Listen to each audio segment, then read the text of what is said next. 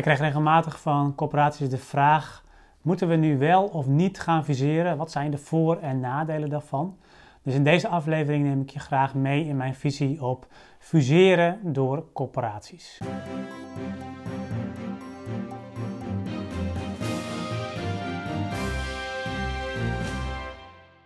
Ja, soms dan uh, lijkt het heel logisch om te gaan fuseren als corporatie. Bijvoorbeeld omdat je klein bent uh, of omdat er twee vergelijkbare corporaties in hetzelfde werkgebied actief zijn. En zeker als je bijvoorbeeld als nieuw lid van de RVC binnenkomt, dan, uh, ja, dan zijn het soms vragen die bij je opkomen van goh, waarom zijn deze twee corporaties niet al lang gefuseerd? En nou, ik neem je dus graag mee in mijn, uh, mijn visie daarop, want ja, soms lijkt dat inderdaad de beste optie. Alleen, um, ja, wat ik altijd denk is dat je een uh, fusie, in welke situatie je ook zit, een fusie is altijd een nee-tenzij beslissing. En waarom is dat zo? Omdat de, als je op een gegeven moment de keuze maakt om te gaan fuseren, dan is het ook praktisch bijna onomkeerbaar. Um, en dan, ja, op het moment dat je die fusie hebt doorgevoerd, dan is het dus eigenlijk onmogelijk om nog weer te gaan defuseren. Natuurlijk kan het in de praktijk, of natuurlijk kan het in theorie, maar in de praktijk zie ik dat eigenlijk niet of nauwelijks. Um, nou, waar kan die tenzij dan in zitten? Hè? Want dat is dan natuurlijk een belangrijke vervolgvraag. Um, kan eigenlijk uh, in een paar dingen zitten. Dus ja, kan in een heleboel dingen zitten, maar ik denk in twee dingen met name. Um, namelijk het financiële stuk. Het kan natuurlijk zijn dat je financieel gezien niet in staat bent om echt de opgave die je hebt in je werkgebied, om dat um, ja, op een goede manier uh, te realiseren. En ook wel misschien wel niet op langere termijn om dat te doen. dus um, dan, dan kan fusie daar een oplossing voor zijn, mits je natuurlijk wel een partner vindt uh, waarmee je dan samen wel uh, die opgave kunt realiseren. Een andere een ander argument wat ik vaak hoor voor fusie zit meer in het organisatorische stuk. Met name bij hele kleine corporaties speelt dat. En dan is de vraag van ja, kunnen we nog wel genoeg uh, goede, kwalitatief goede mensen vinden om deze corporatie ook in de toekomst nou, te besturen en te bestieren, om het zo maar te zeggen. En um, ja, ik denk dat je daar dat, dat, hè, dat zijn denk ik de twee belangrijkste tenzijs waardoor je zou kunnen overwegen om te gaan viseren. Maar je zou daar ook heel erg goed moeten kijken van, is het echt een probleem? Of is het een probleem wat ik misschien verwacht hè, en leid ik daarmee het meest door het lijden dat ik vrees? Um, of um, uh, ja, kan ik dat probleem ook op een heel andere manier misschien oplossen dan, uh, dan met fusie? Wat ook vaak genoemd wordt als een reden om te gaan fuseren, is dat er kansen liggen in het samengaan. Dus dat er um, hele positieve aspecten kunnen zitten aan het samengaan.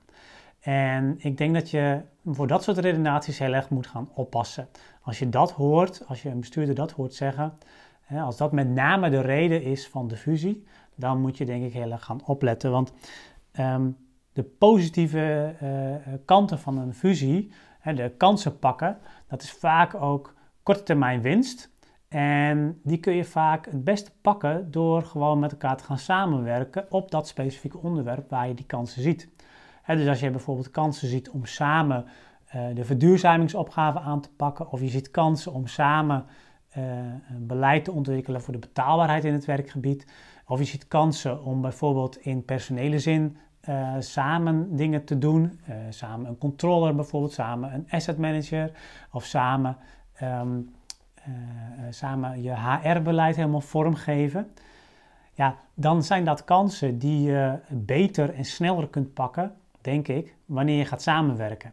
En wanneer je niet meteen gaat fuseren. Want op het moment dat je gaat fuseren, kom je in allerlei andere discussies terecht. En dan kost het heel veel tijd en energie om daar uh, de organisatie eerst maar eens neer te zetten. En dan kun je vervolgens pas de vruchten ervan gaan plukken. En dan ben je zomaar een aantal jaren verder.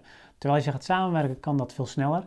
En, en, natuurlijk kan het dan ook zo zijn dat je na een aantal jaren samenwerken op een gegeven moment op een punt komt waarbij je zegt van ja, um, we zijn in feite al gefuseerd. Het enige wat er nog aan ontbreekt is de juridische fusie. Nou ja, prima. Weet je, dat kan natuurlijk ontstaan.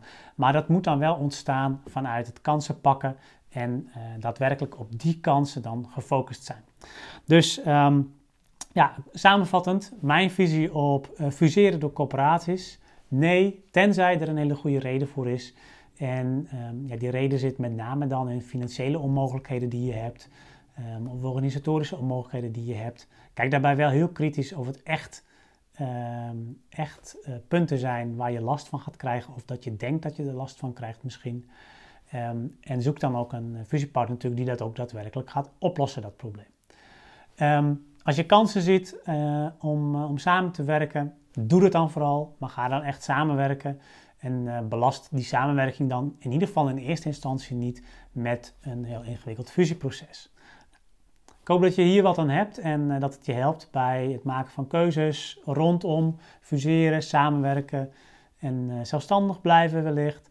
En ik wens je daar heel veel succes mee en graag tot een volgende aflevering. Bedankt voor het luisteren naar deze podcast. Wil je nieuwe afleveringen ontvangen? Abonneer je dan op deze podcast. En kijk ook eens op onze website corporatiestratege.nl voor meer praktische tips en downloads die jouw werk als corporatiestratege makkelijker maken.